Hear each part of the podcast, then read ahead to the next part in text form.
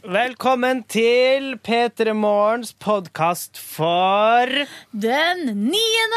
januar! Tida flyg. Og eh, hvem er det som er i studio nå? Hallo, jeg heter Yngve. Hei, jeg heter Sigrid. Hei, jeg heter Silje. Eh, Ronny han er dessverre ikke med oss i, lenger. Eh, nei da, det hørtes sånn ut. Men Ronny er dessverre ikke med oss på denne sendinga. Eh, ei heller i morgen eller på fredag. Så hvis du hører på bare pga. Ronny, så får du heller bare skifte kanal, da. Eller bare høre på podkasts. Eh, eldre podkasts. Ronny er utenlands eh, på en eh, ja, frivillig forespurt eh, reise som du kan se resultatet av på TV om ikke så altfor lenge. Det kan godt bli ganske lenge til. Det vet Ja, okay. jeg ikke Nei, det vet jeg ingenting om. Men uh, vi bruker å spille det inn i god vei i forveien, tror jeg. Ja. Jeg og Silje har holdt forte på sendinga, og så har Kristian Strand vært på besøk. Ja. Mm -hmm. Det har vært, uh, vi har prøvd ut en ny konkurranse med innringere, og så um, Hva mer kan vi si vi har gjort på det, Silje? Jeg vet ikke helt. Det har gått sinnssykt fort. Jeg har jo hatt eh, panikk gjennom eh, i to og en halv time nå, så jeg er ganske sliten. Ja. Men du har klart det kjempefint, og så skal vi komme tilbake igjen med et podkast-bonusbord etter at du har hørt dagens sending. God fornøyelse. P3. Din start på dagen. P3 Morgen. Morgen og god onsdag. Velkommen til P3 Morgen. Klokka er halv sju, eh, og i studio så er det meg, altså Silje, og deg, Yngve. God morgen, alle sammen som har skrudd på, og, eller dem som har glemt å skru av radioen. Her kommer på, da. Eh, eller dem som til og med bare har klokkeradio som skrudde på seg sjøl. Mm. det er jo slik at det er en grunn til at du har skrudd den på.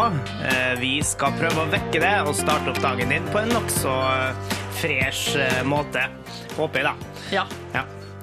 Eh, du, du hører kanskje at det mangler en eller annen stemme her. Det mangler en stemme. Det mangler Ronny Brede Aase. Ja. Vår egen Ronny han er på en eh, tur. Vi har fått tillatelse til å si at han er uh, i Marokko Ja. med Senkveld. Ja, og det er jo ikke som man prøver å legge skjul på det via- sosiale medier, for de skal kanskje følge ham på Instagram eller Ja. sånne ting, så ser man jo at han er ikke i Norge lenger. Men uh, noe mer enn det får vi ikke lov til å si. Eller egentlig, vi vet jo egentlig uh, ikke så mye mer enn deg som hører på, men det vi vet er at det antageligvis kommer på TV, og at vi alle kommer til å dra nytte av det på et vis. Ja. I form av eh, lol-lol-lol-lol, som Ronny ville sagt det sjøl. Det er bra du har tatt den eh, lol-lol-rollen, Ja. for jeg tenkte hvem av oss må gjøre det. Det blir nok meg. Ja, ok, greit. Eh, Eh, ja. eh, utover det, eh, at jeg tar den rollen, så har vi jo gjort det sånn at eh, vi har klippet ut noen lyder. Hvis eh, savnet etter Ronny skal bli for stort, det kan jo være en fare for det, mm. så har vi klippet ut noen lyder. Nå er det jo jeg som kjører teknikken, og nå blir jeg plutselig usikker på Jeg kan jo ikke kjøre den lyden nå. Prøv. Ja, det går an å legge den oppå. Da stopper jo underlaget. Nei, det gjør det ikke det. Gjør det det skal ikke jeg love deg at det ikke gjør. OK, eh, skal vi høre hva Ronny sier? Topp stemning. Ja. Topp stemning, sier Sånn, Ronny. sånn er Ronny. Eh, Sånn at hvis, man, eh, hvis savnet blir for stort i dag, Ja. enten fra oss eller fra noen av lytterne, så kan vi alltid trykke litt inn eh, litt Ronny-lyd underveis. Absolutt. Mm. Men bortsett fra at han ikke er her, så er det ei helt vanlig P3 Morgen-sending. Yep. Vi er her, vi får en gjest. Det er Kristian Strand som kommer på besøk. Og ellers så skal vi jo da snakke om aktualiteter og, og morsomheter og ting som rører seg. Mm. Også selvfølgelig så skal vi spille eh, masse musikk. Eh, vi begynner, tror jeg, aller først med Foo Fighters og Alandria. P3 Morgen. Foo Fighters med Alandria på P3 Morgen. Eh, Vi, er og Yngve, altså Silje og Yngve, er i studio, mens Ronny er på, ute på en liten business trip. Ja. Eh, Men SMS-innboksen vår den er åpen sånn som alltid. Kodeord og telefonnummer, Yngve. Det er kodeord P3 og telefonnummeret 1987. Altså skriver du P3, altså mellomrom, og så skriver du en melding, eksempel. Ja, det kan være hva som helst, egentlig. Vi leser opp det aller meste. Og så er det en Eirik har skrevet melding allerede og skrevet henviser til antydningen på mandag om Yngves korte opphold på Paradise Hotel. Um, og så skriver han de opprinnelige i hermetegn deltakerne reiser til Mexico i dag. Kanskje derfor Ronny er så hemmelighetsfull. Prikk, prikk, prikk. Ung, ung, ung. Ja. Uh, how do I know? Ja. Uh, og så skriver Eirik at han har takka nei til å være med. Eh, eneste motivasjon for å være med på Paradise Hotel måtte i så fall være for å bli gjest i P3 Morgen. Ja, sant. Men da må du òg vinne, da. Vi tar jo ikke inn hvem som helst. Nei, det er sant, det. Eh, ja, kanskje det er det Ronny holder på med. Han har jo sagt at han skal være tilbake neste uke. Da. Så kanskje han tenker bare å dra ned, fucke opp og lage skandale i tre dager, og så komme tilbake igjen.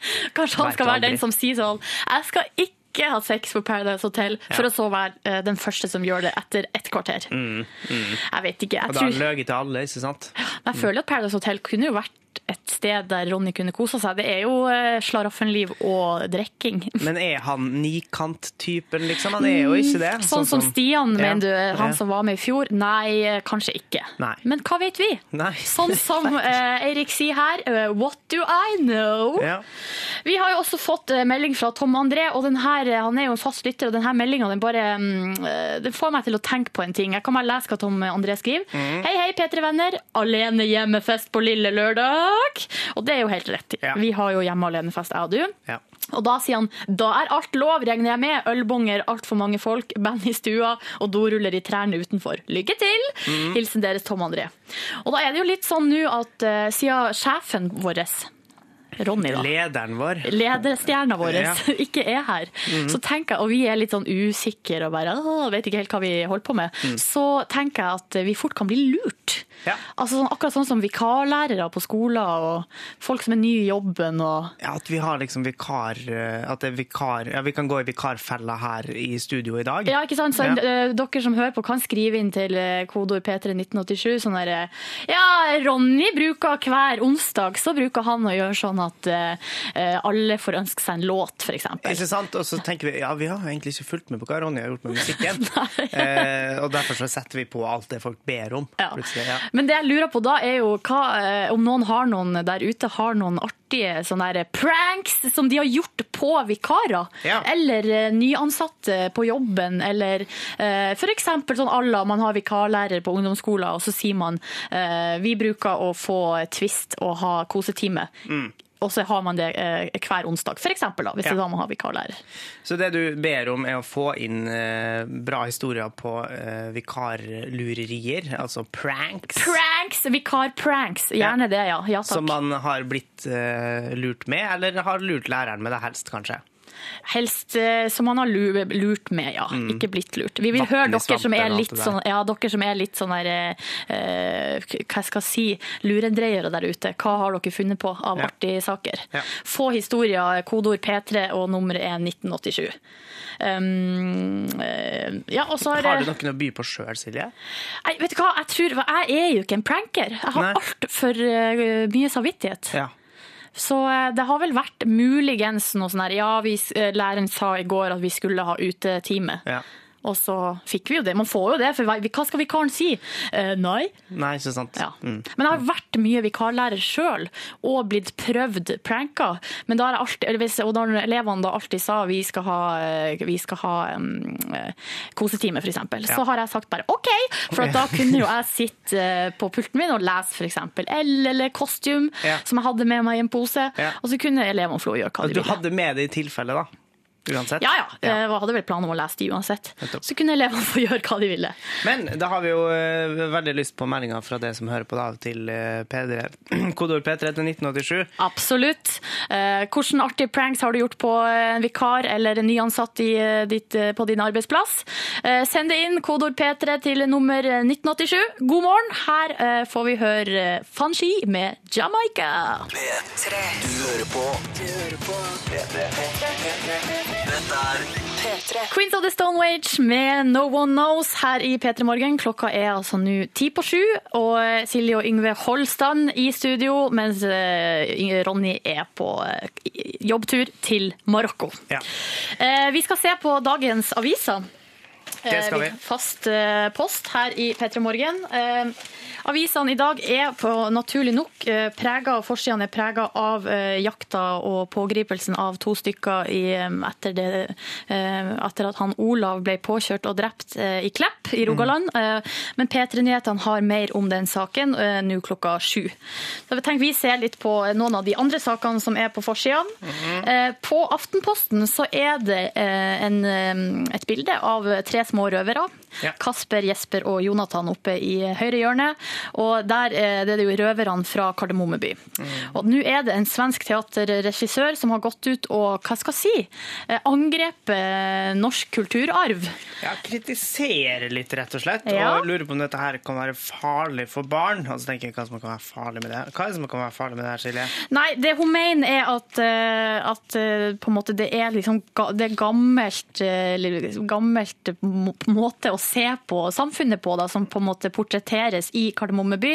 Det hun sier her, hun har skrevet en kronikk i Aftenposten, og det man, hun sier at det man lærer av Kardemommeby, eller det ungene våre lærer, er at eh, et samfunn fungerer best hvis alle er like, alle er glad og ellers passer på seg sjøl. Og menn kan ikke gjøre rent eller lage mat, og kvinner blir glad av å stelle for mannen og kreve ingenting til gjengjeld, bortsett fra ei lita rose nå og da. Hun kaller det her liksom skremmende likt høyreekstrem retorikk, kaller hun det.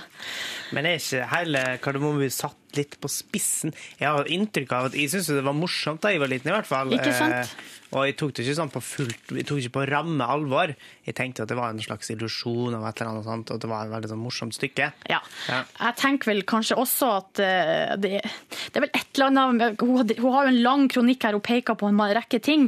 Eh, Kanskje noen av de er litt rett, men samtidig så er det jo sånn at, at når ungene går og ser Kardemommeby, og de har jo vokst jo også opp i hjem, forhåpentligvis, der eh, forholdet mellom kjønnene er likt, og man vet at, eh, at, eh, at man kan få lov til å være annerledes i dagens samfunn, og det er greit. Det er ikke sånn at alle må være like, osv. Og, så videre.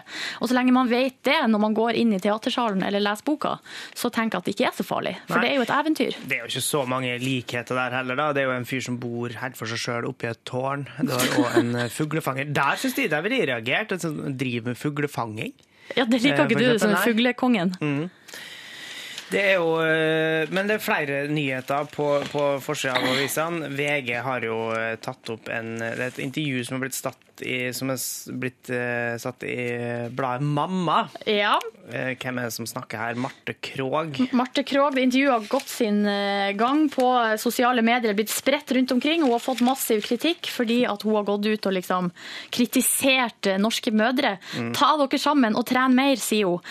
Men det er jo lett for henne, da, som har personlig trener, vaskehjelp og au pair, tenker jeg. Det er vel der eh, kritikken mot henne eh, ligger. Eh, Men jeg tenker vi sier at det var det. Ja. Dagens aviser. Eh, Her er Tegan and Sarah. Dette er P3. P3. Tegan and Sarah med 'Closer'. Eh, Du hører på P3 Morgen, og vi har jo spurt om, eh, om SMS-er med historier om vikarpranks. Ja. Hvilke ting har du gjort for å lure vikarer? vikarer? Litt sånn fordi at jeg og du, Yngve, er jo her på en måte alene, hjemme alene-fest. Vi er litt redd for å bli lurt av lytterne våre. Ja. At de sier sånn 'Ronny bruker å gjøre det og det og det'. Siden Ronny ikke er her, så føler vi oss Ja. litt som vikarer i eget program. Ja.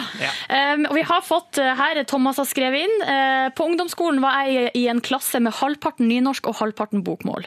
Vi med nynorsk lura den nye læreren med at vi måtte gå fem minutter tidligere for å rekke en buss.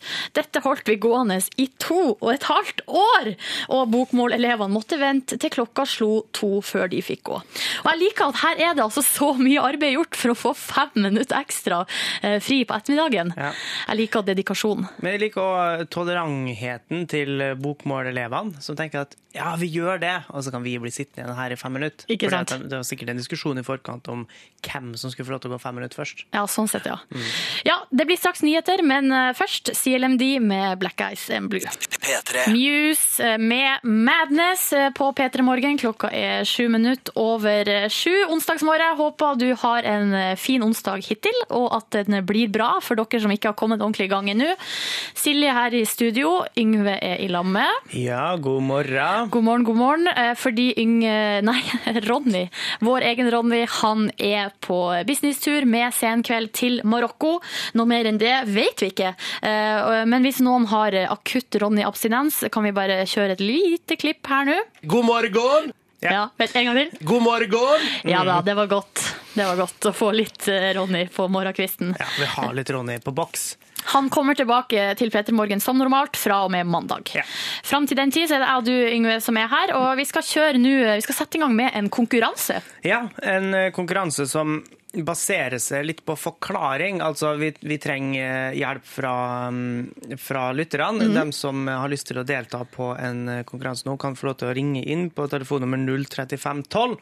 Eh, konkurransen går ut på at jeg og du skal få eh, hver vår lapp. Vi har ikke sett den ennå, med eh, tror det er åtte kjendisnavn. Ja. Eh, og så skal vi prøve å forklare så godt vi kan hva slags kjendiser det er snakk om. Til Eh, noen som ringer inn. til innringeren. Og så, eh, etter hvert som den klarer å gjette riktig, så får vi poeng Ja. per riktig. Så er det selvfølgelig da om å gjøre å få flest riktige, da. Det blir to lag her, på en måte. Det blir eh, Silje versus Yngve. Jeg får én innringer på mitt lag, og du får én innringer på ditt lag. Mhm. Og så skal jeg prøve å forklare til, eh, til min, eh, min, mitt lagmedlem, og den personen skal gjette.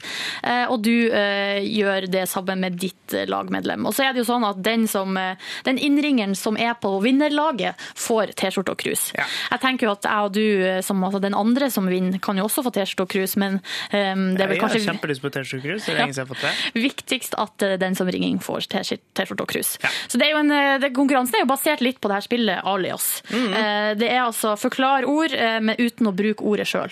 Den er faktisk basert på spillet Party Alias, fordi der er det en egen kjendisgreie. Spilte dette her i jula. Mm. jeg skjønner, jeg skjønner. Hva var nummeret, Yngve? 03512, det er et telefonnummer som du må ringe inn til. Gjør det nå hvis du vil være med i konkurransen og vinne T-skjorte og krus. P3. Klokka er 16 minutter over sju, eh, og nå er det konkurransetid! Yippee! Og eh, vi har fått en innringer, vi trenger fortsatt en til som skal være på Yngve sitt lag etterpå. Ja. Og for å melde deg på, eh, du kan vinne T-skjorte og eh, eh, eksklusivt Petter Morgen Cruise, så er nummeret eh, 03512. Så gjør det nå. Men nå så har vi en innringer på tråden. Hallo, Thomas? Hei, hei. Hei! Hvor befinner du deg i verden? Akkurat nå er jeg på Tananger. Tananger, ja. Tananger ligger ut- utenfor Stavanger. Stemmer det. Hva er det du holder på med? Jeg hører det noe greier i bakgrunnen der. Ja, vi holder på å bygge et hus her, jeg og lille Ole. Lille Ole. Hvor gammel er Ole? 18. 15? 18. 18, ja. Du, Thomas, jeg tror kanskje at vi bare kjører på. Er du god i alias? Ja, litt. Litt? Kan du mange kjendiser, Thomas? Ja, jeg kan nok en del, altså. Hva er din favorittkjendis? Min favorittkjendis. Ja, han Vanskelig er James spørsmål. Hetfield i Metallica. Ja. Ja, ikke sant. OK, da tenker jeg at vi bare Nå er du på mitt lag, Thomas. Uh, Nå tror jeg Yngve må telle poeng, fordi produsent Sigrid sitter i telefonen der Ja, ute. jeg skal telle. Uh, Da uh, kan du reglene. Jeg skal forklare deg kjendiser, og du skal gjette hvem det er. Ja, Og vi får én riktig per Og hvis vi sier pass, så Hvis du sier pass, så får vi minuspoeng. ja. Er du klar? Klar, ferdig, gå! OK. Eh, politiker i Frp, mest kjent. Kvinnelig. Mette Hanekamhaug. Nei, eh, hun er litt eldre, som er formann i Frp. Siv Jensen. Ja. Eh, så er det typen til eh, Tone Damli Aaberge. Hvem er Hodejegerne? Hæ? Hvem er han Eh, type eh, Hva sa du nå? Aksel Hennie. Ja. Eh, hopper andreplass i hoppuka nå nettopp. Andres Jacobsen. Jepp. Eh, Dr. Phil Nei, jeg sa. Silje. Det blir minuspoeng. Å nei! OK. Eh, artist eh, som er norsk, som synger veldig sånne rolige sanger. Um, eh, ligner litt på hun Lorraine fra Sverige. Si det. Um, Um, Maria Mena. Ja! Og så er det artist fra Bergen, egentlig rørlegger. Kurt Nilsen. Ja! Ah, fotballspiller på, på United. Ung, ser ikke så veldig fin. Ligner litt, ligner litt på Shrek. Ah! Wayne Ruding. Ja! Oi! Den siste der fikk vi inn. Ja da, det var fem poeng, det. Ja, ja. Fem poeng, Thomas. Oh my Egentlig god. seks, men så får du jo minuspoeng for å si navnet på personen. Ei, personen. ei. Ja, ok, Jeg beklager den, Thomas. OK, vi klarte Var det fem? Fem poeng. Ja. Vi klarte i hvert fall fem. Ja. OK, da skal vi eh, spille en sang, og så er det klart for eh, Team Yngve etterpå. Bare hold linja, okay. Thomas. Yes. OK, her er Come On People med Pulp. P3. Eh, Jeg hadde en lytter, Thomas eh, fra Stavanger. Han var på mitt lag, og vi klarte i stad å eh, Altså, jeg forklarte kjendiser, han klarte å gjette fem på ett minutt. Da er det din tur, Yngve, og vi har en lytter på her til deg. Lars, hallo! Hallo. Hei, Lars. Hei, fra Brumunddal, stemmer det? Ja, ja. Ja, ja, ja. ja, ja, ja. Hva gjør du? Hva skal du i dag? Jeg skal på skolen. Videregående, da, I presume? Uh, nei, på ungdomsskolen. Du går på ungdomsskolen. oh. Men, men går du siste året, da, Lars? Ja, ja. Ja, Og du er 16 år? Uh, ja. Nettopp hatt bursdag, da, regner jeg med. Ja. Gratulerer med overstått, Lars! Takk. Ja. Du, eh, jeg tror vi bare vi må kjøre rett på. Åh, jeg ble så nervøs. Jeg skal spille. Hvor, ja. er du god i alias, Lars? Uh, sikkert. Sikkert. Vi får se. Vi får se. Eh, Lag eh, Yngve og Lars. Da sier vi klar, ferdig, gå! OK, Lars. Den første eh, vi skal gjette på, er en norsk hiphoper som er del av en duo. Eh, han er fra India. Uh, Magdi. Nei, han andre. Uh, Chirag. Jepp. Eh, og så er det kona til den amerikanske presidenten. Michelle. Ja, eh, Har du etternavnet? Obama. Riktig. En kjemperask sprinter fra Jamaica. Usain Bolt. Ja da. Og så har vi den andre halvdelen av eh, M2M. Altså ikke, ikke Marit Larsen, men Vet ikke. eh, Jo, altså, OK, kan vi si en, en syngedame som har vært idoldommer med mørkt hår. Eh, Tone Damli Aaberge. Nei, som har vært idoldommer med mørkt hår. Eh, langt eh, Og har etternavn Ja, han sa Ja, det. du sa det, ja. OK. Flott, flott. En gammel værmelder på NRK. Med Eh, briller. Gislefoss. Å nei, en enda eldre en med briller. En liten en med altså, uten hår. Ferdig! Nei! Hvordan lå vi an nå? Da får vi inn eh, produsent Sigrid. Sigrid. Hvordan ligger det an? Skal vi få også Thomas på eh, lufta her? Thomas, er du der? Ja. Ja. Thomas på Team Silje. Team Silje Og og, Lars Lars. på Team Yngve. Nå faller dommen. Silje og Thomas vant med ett poeng. Med ett poeng. Lite poeng. Hvordan føles det, Thomas? Jo, det er fantastisk. Fantastisk. En, Ja, helt magisk. hvordan er det med deg, Lars? Jeg var litt skuffende. Ja, jeg. Lars, har du hørt om Vidar Theisen? Eller er han litt for gammel for det? Hm? Aldri hørt om han. Nei, da var det liksom da var det, da var det sånn det skulle bli, da. Ja. Men tusen takk for innsatsen, begge to. Eh, Thomas, du får T-skjorte og krus i posten fordi at eh, du tok eh, laget vårt til helt til topps. Yay. Yay! P3. Du hører på. Du hører på. P3. Dette er Rihanna med Diamonds hørte du i P3 Morgen. Eh, håper du har en god onsdag. Eh, det er eh, Silje og Yngve i studio. God morgen, god morgen, god morgen. Ronny han er i Marokko med Sen kveld. Ja. Noe mer enn det vet vi ikke, og kan vi heller ikke si. Spør oss ikke, for Nei. da må vi drepe det etterpå. Han er tilbake som normalt eh, på mandag. Og nå har vi fått gjest i studio eh, til Silje og Yngves hjemme alene-fest. Kristian Strand! God morgen! God morgen! Oi, Kristian Strand, hvordan går det? Det går veldig bra. Ja. Jeg trodde det skulle være hardere å stå opp i dag, men det var det ikke. For jeg gleda meg skikkelig til å komme hit. Ja. Så bra. Ja. Kristian kom inn med et stort smil han, og sa at vi var morra morgenfresh. Så ville du egentlig at vi skulle si nei, Det er du det jeg ville er høre tilbake. Nei, Nei men eh, ja, god morgen, altså. Har du fått ny genser til jul? Ja, jeg fikk av kona mi. Fikk han i år? Jeg fikk den i fjor. Ah, Kristian, du er er våken. såpass våken. Ja, jeg fikk eh, genser, og det syns jeg var veldig fin. Jeg tror hun syns at jeg mangla et par sånne gode ullgensere. Du Kristian, du har vært i, eh, du har vært i gamet lenge. Du har gjort utrolig mye forskjellig. Eh, i, altså, Nå er du jo programleder i FBI, Forbrukerinspektørene på NRK. Ja. Eh, men um, du har gjort en hel rekke andre ting. Vært med i Hotell Cæsar, det må vi aldri piccolo. glemme. Nei, det må du ikke glemme. Pilot, nei, eh, ikke pilot, men eh, Piccolo. Ja. Ja, piccolo. Og så eh, har du jo vært programleder rundt omkring på NRK-huset. Ja. Eh, vært artist, Ja, ja. popstjerne, førsteplass. Ja, på VG-lista. Så begynte du altså karrieren i Midt og smørøyet som eh, tolvåring. Ja. Vi har funnet et lite klipp. Skal vi, bare, skal vi høre på det? Ja. Vi har vært så heldige at vi har fått NRKs jentekor til å synge for oss her i studio. Men før de begynner å synge, så skal vi ta en liten prat med noen av dem. vi. Hvor uh, gammel er du på det her tidspunktet? Her er jeg tolv, har regulering, litt kviser og skikkelig midtskill. Så jeg tror kanskje at jeg, jeg, jeg lurer på om det var samme sending hvor jeg hadde solgt en Peppa. Eh, Husker Å, du det? på besøk? Ja. er derfor du hørtes litt nervøs ut. ja, jeg var veldig nervøs, og så skulle jeg stille dem ett spørsmål, og det var om de var allergiske mot gutter. Jaha. Ja, Are og you allergic ja, to Are you allergic to boys? Og da, da var jeg så nervøs. Ja. Men uh, det var veldig gøy. Hva sa de da? De sa jo så klart ikke det var det, og sånn og sånn, men eh, jeg var veldig nervøs. Jeg husker egentlig ikke hva de sa, men jeg husker mest at jeg var veldig nervøs. da.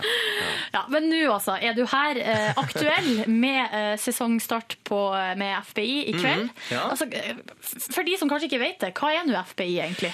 FBI er et forbrukerprogram som går eh, etter Dagsrevyen, altså 1945. Og der tar vi opp en del ting som folk lurer på og trenger litt hjelp til. da. Eh, Så jeg har en eh, programlederrolle hvor jeg prøver å hjelpe folk. Og i dag så prøver jeg å hjelpe en 22 år gammel gutt som eh, bor i Trondheim.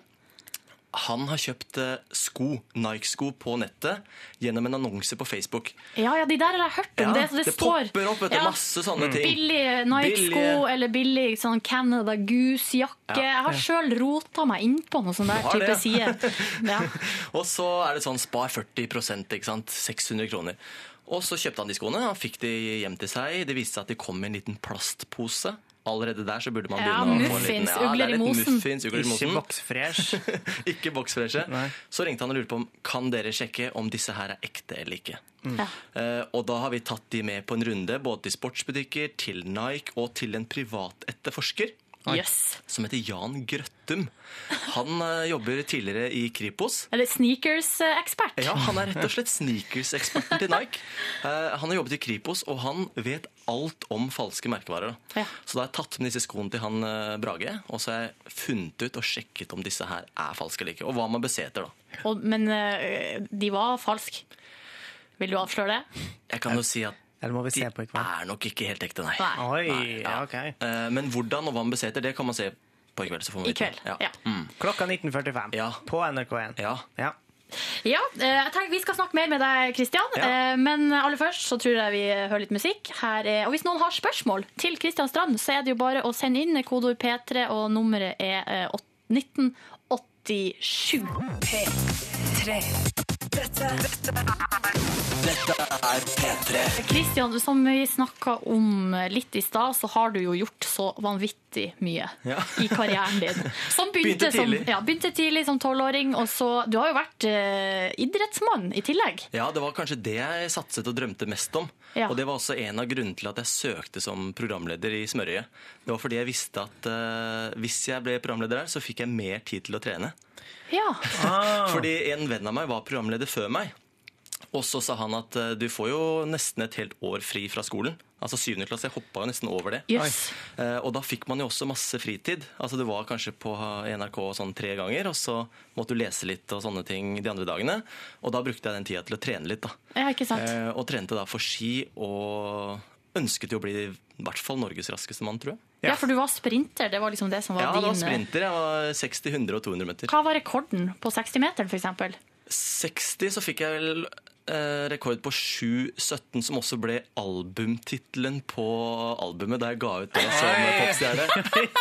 Ja, fordi du var popstjerne. Det her var jo litt artig, for at du var jo også pikkolo på Hotell Cæsar. Ja, ja. Eh, eh, Hva var det han het igjen? Knut Arne Knut Olsen. Arne ja, Knut Arne Olsen. Ja. Og han var jo også artist. Han eh, ble artist, ja. Ja. Eh, Jens August skrev en låt til han som het eh, Maybe Baby. Og sammen skulle de eh, erobre verden. Vet du hva, jeg tror eh, her, altså denne låta den nådde førsteplass på VG-lista. Ja. Så jeg tror vi må rett og slett bare høre bitte litt. Kan jeg, kan jeg si ting først? Ja. Jeg har aldri, aldri hørt låta. Har du ikke? Nei. Ja, da er det Jeg har hørt folk har sunget på den, men jeg har aldri hørt låta sånn sjøl. Liksom. Men da alle sammen, da er det premiere med, på på eh, Kristian Strand slash Knut Arne Olsen Ja. med Maybe Baby. P3 Morgen. Hvordan føles det å høre den her nå sånn, eh, så mange år etter? Ja, det, høres, det, det føles veldig bra. Jeg merker jo med en gang at når refrenget kommer, så kan jeg liksom dansemovesa. Ja. Altså, av en eller annen grunn. Altså, de, nei, men de sitter liksom sånn veldig latent i kroppen. Da, fordi jeg reiste jo rundt med den låta og spilte på kjøpesenter Ja. og Ja, liksom overalt. da. Og Knut Arne han var, jo, han var jo i god form da når han holdt på med dette. her. Ja. Men ellers, du har jo tatt en litt sånn mer sånn seriøs retning eh, etter det her, da, kan Ja. man jo si. Ja. Uh, og programleder uh, vært på nyhetene, og mm. også hadde et sånn aktuelt program, uh, og nå på i FBI. Ja. Eh, du har annet intervjua Bill Gates. Ja, han var i Norge i 2009, hvis jeg ikke husker helt feil, sammen med kona si. Og Norge er jo en av de største eh, veldederne i fondet hans, sånn vaksinefond. Eh, Så fikk jeg mulighet til å intervjue han i 20 minutter. da. Ja. Og det jeg lurte mest på, det var jo en video han hadde laget med JC. Ja, riktig. Eh, hvor han liksom skulle gi seg som Microsoft-sjef. Så det lurte jeg veldig på. Og om barna hans fikk mye cash. Det var Ikke det jeg sant? var mest Fikk du noe svar på det? Jeg fikk eh, gode svar, men eh, ikke så gode som jeg hadde håpet. da. Han var en vanskelig mann å intervjue, men veldig gøy, da. Ja. Ja. Du, hva vil du si er liksom høydepunktet fra denne rikholdige karrieren hittils? Altså, det er veldig mange høydepunkt, men jeg tror kanskje Første gang var nok da jeg gikk inn i Hotell Cæsar. Eh, første scene jeg gjorde der, var jeg, jeg tror en av de første scenene var med Toralf Maurstad. Ja. Eh, det var vel i 99 jeg kom inn med Buffalo-sko. Det var veldig sånn populært ute på Sigrud, der jeg kom fra. Eh, og skulle spille da mot Toralf Maurstad fra Nationaltheatret. Jeg kom inn med Buffalo-sko og liksom skulle være veldig kul. da. Jeg husker at det, det virka veldig rart. Men det var veldig gøy. Ja. Uh, og så husker jeg faktisk det med Maybe Baby. Altså det, jeg hadde jo ikke noe tanke om det å drive med musikk. Men da jeg sto eh, på en scene i Mosjøen med 3000 skrikende unge jenter og syntes alt var veldig absurd, så syntes jeg det var veldig veldig gøy. Ja, det skjønner jeg jo godt at du gjorde. Hvor gammel var du på det her tidspunktet? Da var jeg jo 20 år. Ja, ikke sant? Ikke så rart at du likte det, da. Nei, det var veldig gøy. Og så tror jeg det med å få et eget aktualitetsprogram som du snakket om, som Ja. gikk tre, nei, fire kvelder i uka, det å intervjue så veldig mange mennesker, det var øh, utfordrende. Men du, Kristian, du, eh, altså, du har jo gjort på en måte nesten alt innafor innenfor liksom, ja, Ja, bare ikke sport. eh, eh, jo, sport har du jo gjort. Ja, ikke på TV. ikke på TV, nei. nei. Men det er en annen ting som vi føler at du ikke har prøvd, Ja. og det, det er standup. Oh, ja. Du hører på Du hører på P3. Oh, eh, Bruno Mars med 'Locked Out of Heaven'. Kristian Strand, du er på besøk eh, Ja. på, eh, hos Silje og Yngves hjemme alene-fest. Ja, i P3 Morgen. Eh, Ronny er dessverre ikke her eh, den dagen her, og ikke i morgen heller. Og heller ikke fredag. Han er hos frisøren og skal være der i tre dager. Fordi slike krøller som Ronny har, de kommer ikke av seg sjøl. De gjør ikke det. Nå, Kristian Strand, eh, programleder, barnestjerne, journalist, musikkartist, skuespiller og eh, idrettsstjerne. Ja. Eh, nå, eh, du har gjort alt. Nå skal vi sjekke om du også kan eh, gjøre standup. Så vår eh, unge redaksjonsmedlem Markus har skrevet en tekst for deg Oh. som du ikke har sett før nå. Eh, Du skal på en måte bare ta det på sparket. Ja. Eh, så da tror jeg Det står, står med papir her, det står Øverst så står det 'veldig fint om det fremføres med intens innlevelse'. Det står det. Intens Så bare innlevelse, ja. Husk det. Det er eneste regien du får, Kristian. Ok, jeg skal prøve. Så nå skal vi sjekke om Kristian Strand eh, takler også standup-sjangeren. Ja, Ja! da er det straks Kristian Strand på scenen. Han kommer inn her. Hei, hei, folkens! Hei, hei! Er det noe liv her? Ja, så bra! Noen fra Nord-Norge her i dag, eller? Ja! Yes! Eh, jeg liker ikke joikaboller, jeg, Silje! Ja, ja, men, eh, men, men. Mitt navn er Kristian Strand. Og om jeg noen gang ville eie min egen strand ja, ja, ja. Da kommer jeg til å kalle den for Christian. Yes! Men uh, mange spør om jeg skal gjøre comeback som musikkartist. Da svarer jeg bare maybe baby. Og si maybe baby funker faktisk i mange sammenhenger. Når eh, kona er sliten etter jobb, men jeg er keen på et ligg, da drar jeg bare frem tissen og sier maybe baby. Slo han den der, da? Eh, eller når jeg skal eh, foreslå Ja, tusen takk, tusen takk, folkens. Tusen takk. Tusen takk. Oi, oi, oi. Dere er godt publikum. Eller når jeg skal foreslå hvilken låt vi skal høre på av Justin Bieber.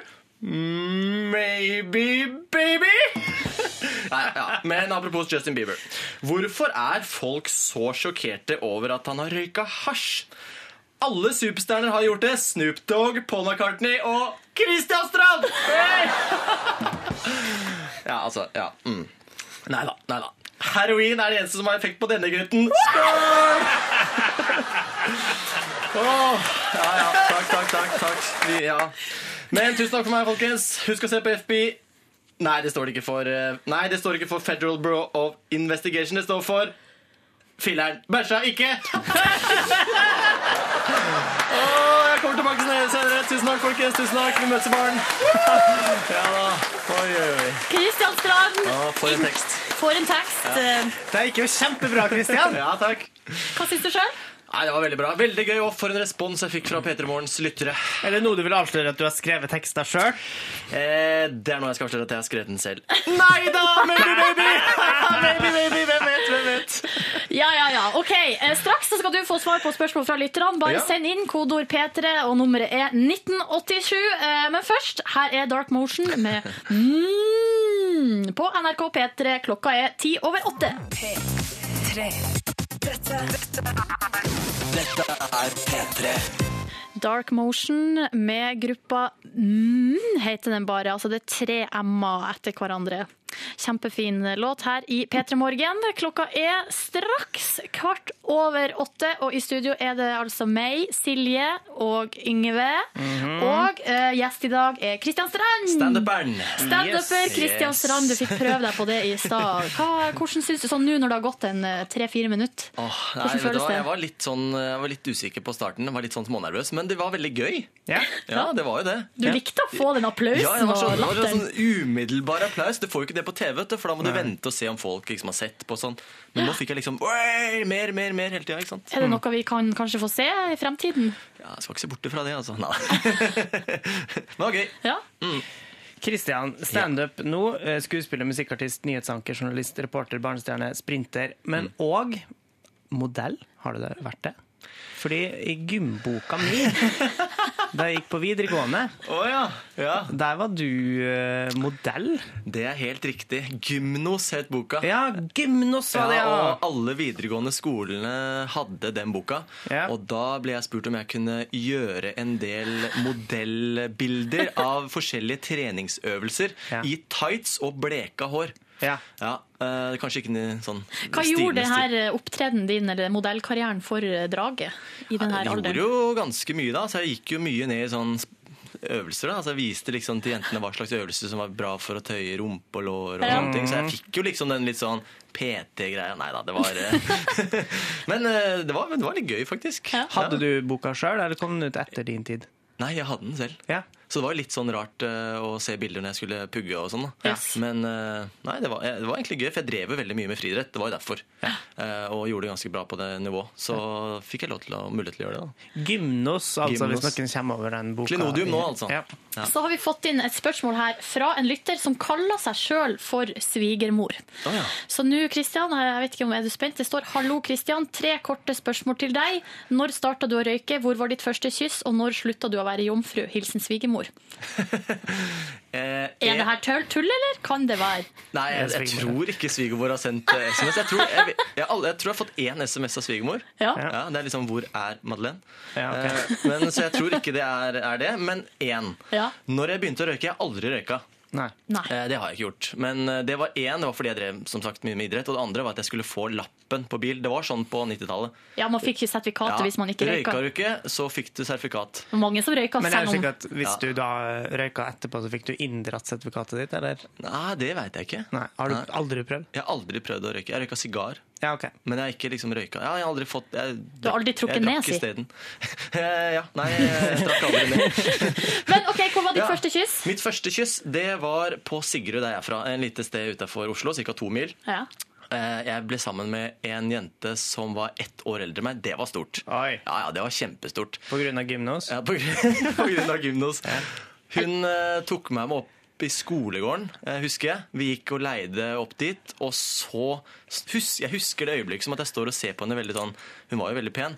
Og så kysser vi, og hun smaker så mye bringebær. Jøss, det er lipgloss. Mm. Nei, det var tyggis, tror jeg. Å ja, okay. Ja, og det var liksom Det var kjempesmak, og det husker jeg liksom ennå. Det var veldig Hun var veldig flink til å kysse. Positiv opplevelse. Jeg tror jeg var Det var vel litt, litt sånn i smørtida, så jeg var kanskje sånn 13-14. Ja. Du, jeg føler at Vi beveger oss jo over i spørsmålsrulettland. Ja, så jeg tror kanskje vi må bare kjøre spørsmålsruletten. Da skal du få trekke et, eh, en lapp med et tall på. Eh, Kristian, bare trekk nå. Ja. Vi kjører rulett. Skal vi se Det er spørsmål nummer to. Spørsmål nummer to. Spørsmål nummer Skal vi se, der har vi det. Er du klar? Ja. Fortell om første gang du var dritings. Ja, vi er i samme Kanskje ikke akkurat samme periode, men litt. Eh, ja, første gang jeg var eh, dritings Ikke si at det var på premierefest for Midt i smøringen, da du var tolv år.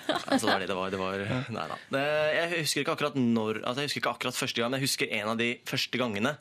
Eh, Da var jeg på guttetur sammen med tre kamerater fra Sigrud. Eh, Og vi dro til Ayanapa. Ayia Napa. Ok. Ja, det var liksom en sånn Man skulle ta en sånn tur på videregående. Ja. Eh, og da husker jeg at da skulle vi drikke eh, sambuca. Altså jeg drakk hooch og sambuca. Husker du hooch? Ja, det husker jeg. Det var sånn Ja, sånn rusbrus. rusbrusaktig. Hach, som det også ble kalt. Eh, og da husker jeg at jeg, vi sto og snakka ved baren der eh, sammen med et sånt par. Jeg vet ikke hvorfor vi snakka med et par. Eh, vi skulle jo snakke med single jenter, men vi sto og snakka med et par. Eh. Og, ja, og så tok vi disse sambuca-shotene. Og så plutselig så bare Det smeller helt. Jeg løper over veien, fordi denne baren var liksom rett over vannkanten der. liksom. Så jeg bare løper over veien og spyr da mens jeg løper. Og det er liksom det er Så classic. Og du sprang fort. Ja, og jeg sprang fort, så jeg kommer liksom før jeg begynte å spy. Altså, det gikk jo så fort, ikke sant? Jeg bare hadde det i munnen og bare løp. Sprinta. Jeg sprinta med høye kneløft og? Det Ja, ja, ja. Mens du spøy. Mens jeg spør. For et utrolig deilig bilde å ta med seg ut i denne veldig. onsdagen. Å ja, fantastisk. Men det er sant. Ja, det tviler jeg ikke på. Kristian, Ja. tusen takk eh, for besøket. P3. Dette, dette Dette er P3. Artig-Odd med Tessellate, en nydelig liten låt her på onsdagsmorgen i P3 Morgen, hvor det er hjemme alene-fest! Ronny er i eh, Marokko med Senkveld, sier han.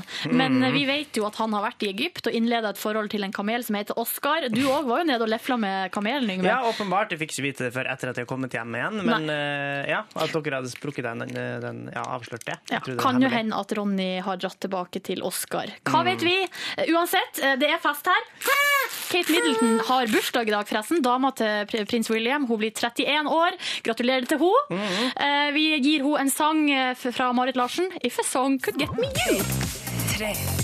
Dette, dette Dette er P3. Imagine Dragons med Radioactive nå når klokka har blitt sju minutter over halv ni straks. Eh, Så eh, god morgen, kan vi jo God bare si. morgen, kan vi godt si. Ja. Vi har ikke sagt det så mange ganger i dag, føler jeg. Og hvis noen savner Nei, bare glem det. Eh, hvis Hvis noen dere, hvis dere, lurer på hvor Ronny er, så er han på utenlandsreise i hemmelig oppdrag. Eh, Vi vet veldig lite om det, bare at det har noe slags TV 2-relevanse. Det er en slags er- gjesteopptreden i noe greier. eh, Ja. Som, og det kommer på TV. Ja. Så kan alle glede seg med det. Og han er tilbake i P3 Morgen eh, fra og med mandag. Oh, kan jeg få lov til å si at folk må bare smøre seg med tålmodighet? Ja. Jeg vet ikke hva det betyr, men man må smøre seg med tålmodighet hvis man eh, lengter etter Ronny. Og fram til den tid så går P3 Morgen eh, og, som normalt eh, tilnærmingsvis. Og eh, innboksen vår eksempel er, er åpen. Eh, Det er kodeord eh, P3 til 1987 for å sende en SMS. Vi har fått en slags morgenhistorie fra ei her som, eh, som Eller én, eller ei. Som har en historie fra morgenkvisten sin, eh, som det står. Frokosten gikk rett i søpla. Skulle lage rundstykker, prøvde å være skikkelig flink husmor, var så klart fri for gjær, så fant ei oppskrift på nettet uten bruk av gjær. Og det gikk jo ikke så bra, kan du si, men heldigvis er det butikk tre minutter unna, så det blir vel rundstykker likevel. Ha en kjempefin dag. Hilsen bakeren, står det. Kunne jo bare dratt på butikken og kjøpt gjær. Først, Ja. siden den var så nær, mener du. Ja. Men det er det som er at såpass tidlig på morgenen så er tre minutter, det vil man helst unngå, tror jeg. Ja, sant. Sjøl skal jeg faktisk prøve å bake rundstykker i dag. I løpet av dagen. Oh, så skal jeg gjøre det. Å ja. Helst når jeg kommer hjem fra jobb, selvfølgelig. Ja, ja, ja. Har ikke noe komfyr oppe på kontorlandskapet vårt. Nei, heldigvis, kan vi si. Ja. Eh, har aldri bakt rundstykker, bortsett fra i heimkunnskap, eller eh, hva heter det, helse og mat, eller noe sånt. som Helse heter og velvære. Nei, jeg vet ikke hva det heter på skolen nå, jeg. Mat og Men mat og husflid. helse. Mat og helse, tror jeg det heter. Eh, men kanskje du burde bakt rundstykker sjøl? Har du håndlag med gjæra? Eh, tror jeg har ganske grei peiling på det, faktisk. Det er det som jeg har, altså så godt håndlag med gjær. Det, Mm. Ja. det hever seg og det hever seg mm. i det uendelige. Mm. Det man må snakke til eh, deigen, akkurat som til, eh, til planter. og dyr, Ja. for at de skal trives. Ja. Uansett, eh, vi skal videre i sendinga etterpå. Yngve, så skal du eh, finne på noe sprell? Ja, jeg skal ta på meg litt sånn kritiske mediebriller. Jeg skal være litt kritisk, rett og slett. Ja. Eh, Vil du si noe mer enn det? Nei, det, det dreier seg om avsløring om en dansk eh, tøysenyhet som mediene tok helt på alvor. Ja. Ja. Nå skal jeg dra det litt lenger, da, for, kan du si. Typisk deg å gjøre det, da. Mm -hmm. Men før den tid så skal vi høre en av de fineste sangene fra 2012, etter min mening eh, Machine Birds med If I. P3. Helt fantastisk eh, hjertesmertesang fra Bergen, Machine Birds med If I. På P3 Morgen klokka straks kvart på ni. Og nå, nå så skal vi Jeg sa feil. Ja. Nå skal vi få eh, mediekritikk fra Yngve Hustad Reite. Ja, det her eh, dreier seg Altså, jeg blir så oppgitt. Eh, fordi det gikk jo ut eh, i går, så leste jeg en sak om eh, ei pressemelding, ei tøvete pressemelding som var gått ut, bare på tull, bare på satire, om det danske utestedet Eye Candy, der kun pene mennesker skulle få slippe inn. Eh, og denne pressemeldinga viste seg bare å være tøys og oppspinn, eh, og det kom fram først etter at flere medier hadde bitt på og, og skrevet om dette her nå som en sånn sjokkerende overfladisk stygg sak da, fra Danmark. Jeg leste den i en rekke netta, norske nettaviser, helt seriøse nyhetsartikler om det her, som viste seg å bare være tull. Ja, ikke sant? Og da eh, selvfølgelig lett å gå på, eh, men samtidig så burde man kanskje sjekke litt bakgrunnen for, for saken, da. Og ikke bare blindt gå videre med pressemeldingene. Så min tese oppi det her, så, så lenge nyheten er sjokkerende nok, så spiller det liksom ikke noen rolle om den er ekte eller ikke. Hvem var det som har sendt ut denne pressemeldinga i Danmark? Eh, Det var, det var eh, Hva heter det firmaet? Det, altså det er et eh, humorkollektiv som er Ja. Kasper Christensen fra Klovn som liksom er sjef for, men det var en, en undersått av han da Som hadde sendt som ut hadde sendt ut dette her. Skjønner. Bare på tull. Eh, Så jeg skal rett og slett prøve å legge fram hvordan nyhetssendingene kunne hørtes ut hvis man er helt ukritisk og bare tar altfor god fisk. Eh, Det trenger ikke å spille noen rolle hvor man kommer fra, eller om det er ekte eller ikke. i det hele tatt. Så nå, hva er det vi skal få nå? Imaginær P3 morgennyhetssending. Er du klar? Ja, jeg er helt klar. Anders Båsmo Christiansen i Haidrama. Det var under en flåtetur i Stillehavet at Båsmo Christiansen havnet over bord, mens flåtefartøyet var omringet av de svømmende rovdyrene hvithai. Heldigvis var skuespiller Tobias Santermann raskt på pletten og reddet han opp igjen på flåta. Båsmo Christiansen forbanner stjerne. Anders Båsmo Christiansen sier han handlet i affekt etter at hans datter forsvant. Forbannelsen over julestjerna har ikke bare ført til forsvinnelsen av stjerna, men òg mørke og depresjon over et helt land. Det er sendt ut ei lita jente for å lete etter stjerna, men sjansene for at du finner den, er veldig små. Jeg skal finne julestjernen til deg. Flyvende skuespiller observert. Det er den her til lands ikke så kjente skuespilleren Henry Cavill, som flere kilder hevder å ha sett klipp av, iført en blå, tettsittende klær og støvler mens han flyr.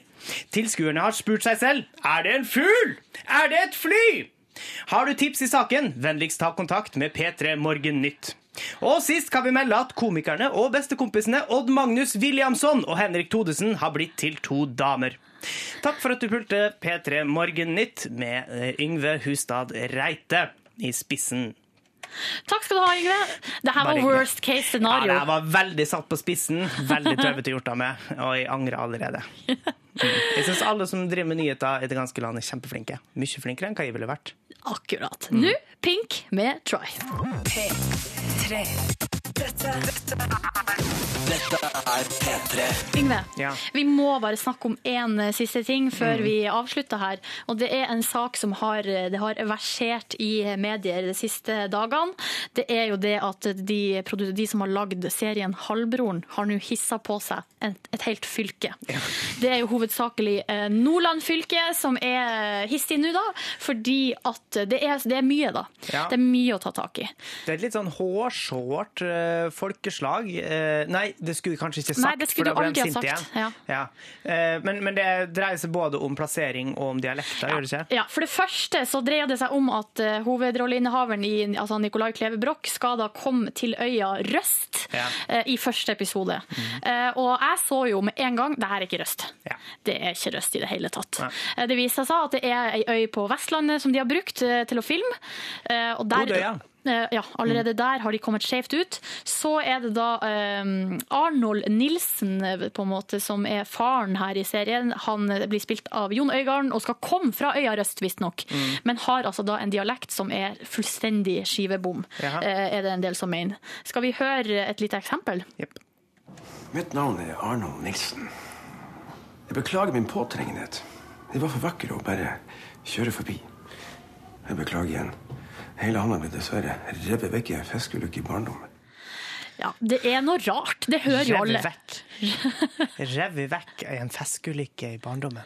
Ja, Personlig så tar ikke jeg meg nær av Nei. at uh, dialekten er litt sånn rar. Mm. Og Jeg tenker sånn, jeg så på nettet, for det er noe kommentarfelt her på nrk.no, som er, her er, er det heftig debatt.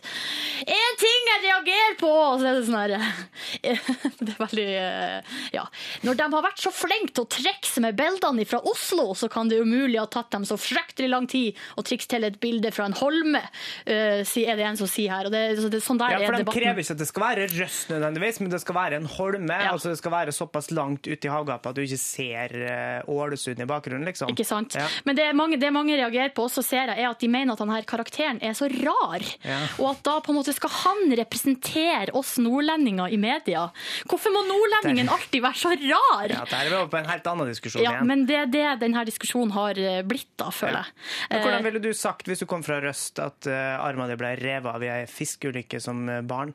Nei, det vet jeg ikke helt. Nei. Nei. jeg vet ikke. Jeg tenker jo at dialekten her er helt OK. Og så Ja. tenker jeg at det her også kan være en slags eh, Altså, vi som kommer fra distriktene, eh, det har antageligvis du også gjort. Mm. I en hel bar, altså, vi snakker tusenvis av unger som har i en hel barndom snakka sånn Nå er jeg mamma! Ja, Så ja, er du pappa! Eh, altså, vi snakker sånn der type sånn brokete østnorsk, eh, østlandsk i leka. Mm. Så da tenker jeg det her er en slags sånn hevn.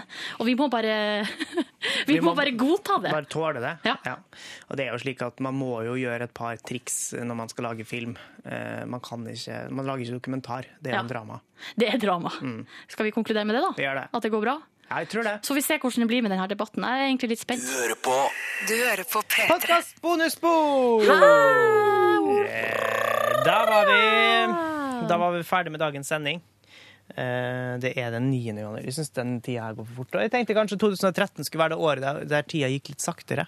Mm. Men nå er vi jo straks eh, Ja, det er over ei uke inn i nye år allerede. Faen, altså. Snart to. Ja. Vi er nærmere ei enn to, da. Ja, du har rett i det. OK, OK. Sett oss ned. Slapp av. Slapp av. Sigrid, Ja, hvordan går det? det går bra. Er du friskere? Nei, jeg har fortsatt litt sånn kols, men det går bra. Kan leve, man kan leve med kols. Kols er den der sugerør, pust gjennom sugerøraktige greia som man får eh, av røyking, sant? Ja. Men du har ikke røyka? Nei, jeg har jo egentlig ikke det. Nei. Men- Hørte du Nei, altså, Hvis man som kolspasient skal forklare hvordan det kjennes ut eh, å ha kols, for du puster så dårlig sånn Hør da. Den der. Ja. Ikke bra. Så, kan, så sier de ofte at hvis du eh, prøver å gå opp ei trapp eller springe mens du har et sugerør i munnen, og det eneste det du får lov til å puste gjennom, du får liksom ikke fullt inntak, da. Husker du, Silje, i morges da vi så hun dama som sprang etter bussen og kom på rett før vi skulle gå av? Altså siste stoppet før vi skulle gå av? Nei, jeg merke til Nei, da var det ei som ikke orka å springe lenger, for hun hadde allerede jobba seg litt oppover bakken. Eh, og hun satt bak oss og hosta. Eh, og hun tror jeg hadde tilløp til kols, fordi at eh, den helsa der var, ikke, var liksom ikke på topp. Men jeg tenker at du, Sigrid, må være litt obs, fordi at denne den her svineinfluensaen som det er så mye snakk om, den går jo på luftveiene. Ja. Vær litt forsiktig. ja, men jeg føler meg ikke dårlig på noen andre måter. Da. Så tenker jeg Hvis du først har svininfluensa, da må man jo Ja, jeg tror noen kan ha det uten Tenk hvis man kan ha svininfluensa resten av livet. Nei. Men eh, du må passe på å ikke gjøre sånn som jeg gjorde på mandag, da vi satt og spiste lunsj. Da jeg nøys egg på maten til Sigrid. Ja, Det var sånn det å snakke om. begynte. Ja. Det blei eh, noe av det ekleste jeg har gjort, tror jeg, i Ja, det- 2013. Vi satt jo på et meget crowded bord. Ja. Vi satt tett i tett i tett rundt et lite bord og spiste. Ja. Og så, Yngve Nys Ja. med mat i munnen. Fullstendig fullstendig overraskende. Altså, jeg bruker som regel å kunne kjenne sånn fem-seks sekunder ja, før, nyset, før nyset kommer. Altså minst fem-seks sekunder. Som Ja. regel kan jeg merke det opp til et halvt minutt i forveien. Eh, og da passe på å liksom, gå litt vekk, snu meg vekk, eller noen sånne ting. Men det eneste jeg rakk å gjøre, var bare hvor er servietten? Jeg trenger den. Og så var servietten såpass sammenbretta at jeg bare klarte å plassere den foran en liten sånn kyssemunn. eh, som gjorde at eh, alt bare spruta ut på sidene. Og da traff det en Det liten jo- eggbit eh, rundt eh, masse egg i ansiktet mitt. Og så en ganske stor eggebit på gulvet mellom beina mine. Og så en bitte liten eggebit på rundstykket til Sigrid. Ja. Og det var jo vår første dag på jobb sammen òg. Ja. Det var veldig Ja. artig. Men jeg hadde et lite dilemma, da. Skal jeg Jeg prøvde egentlig å skjule det, så la du merke til det. At jeg ja, prøvde å late som at ja, Men du eh, må ikke gjøre det når Nei. så ekle ting skjer, Sigrid. Da må du bare si 'herregud'. Ja. Så jeg tok av den biten da av rundstykket som du hadde Ja, spytta på. Ja. Men jeg spiste resten, da. Så Ja, ja. Det er jo tillitserklæring. ja, tillitserklæring. Det som skjedde, jeg tror grunnen til at det skjedde For at du vet hvordan gjesping smitter. Ja. Så er det jo selvfølgelig nysing smitte fordi at man kan bli forkjøla av dråpesmitte og sånne ting. Men der satt egentlig Det var tekniker Helgar som kom og satte seg ned sammen med oss Han var syk. og fortalte at han var litt småsjuk og hadde nettopp kjørt øh, kona eller dama, samboeren, til eh, legevakta med mulig svineinfluensa. Så tenkte jeg, altså, da fikk jeg bare en nysefortemmelse med en gang. Mm. Så Ja, det var en litt sånn psykisk smitte som eh, forsvant, som kom over bordet der. Er det noen andre Glem. som har noen problemer som plages med? Nei. Nei. Altså, helseproblemer. Ja, eller Don't andre. get me started, Sigrid. Du har ikke peiling. Så vi trenger å. Ryggen, magen, ræva. Hvordan er det, Silje? Ikke ræva, kanskje, da. Jeg har jo astma og lungeissues og, Ja. eh, og allergi. Det jeg synes er morsomst med Silje sin helseplage, er at hun skylder alt på at hun spiste kebab i seks år. Her gjorde du det? Ja, men hør nå her. Jeg hadde, nei, ikke sex. Jeg hadde, når jeg flytta til Oslo, eller da jeg flytta til Oslo, Ja, ja, ja. som eh, eh, grammatikkpolitiet sier Fuckers. Kutt ut! Kan jeg si at noe av det verste jeg vet Mm. Altså det er Den verste formen for hersketeknikk er å rette på grammatikken til folk Mm. mens de prater. Ja. Noe av det verste jeg vet, er når folk snakker feil. Noe av det aller verste jeg vet, er når jeg snakker feil. Ja, ja. Uansett. Da jeg var 19 år, flytta til Oslo, eh, så bodde jeg for det første i et høl av ei leilighet. Ja. Første- Ikke sånn hobbithull, liksom. Nei, Nei. Og det skulle gjerne vært det. Det hadde vært koselig. Mm.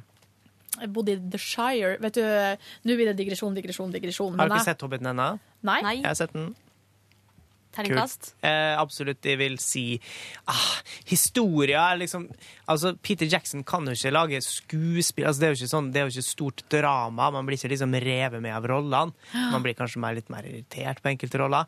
Men eh, for underholdning å se på sin del en terningkast seks, altså. Eh, Sjøl om man kan bli litt kjedelig innimellom, for den er jævlig lang. Men jeg skal avsløre en ting. Jeg har sett den to ganger.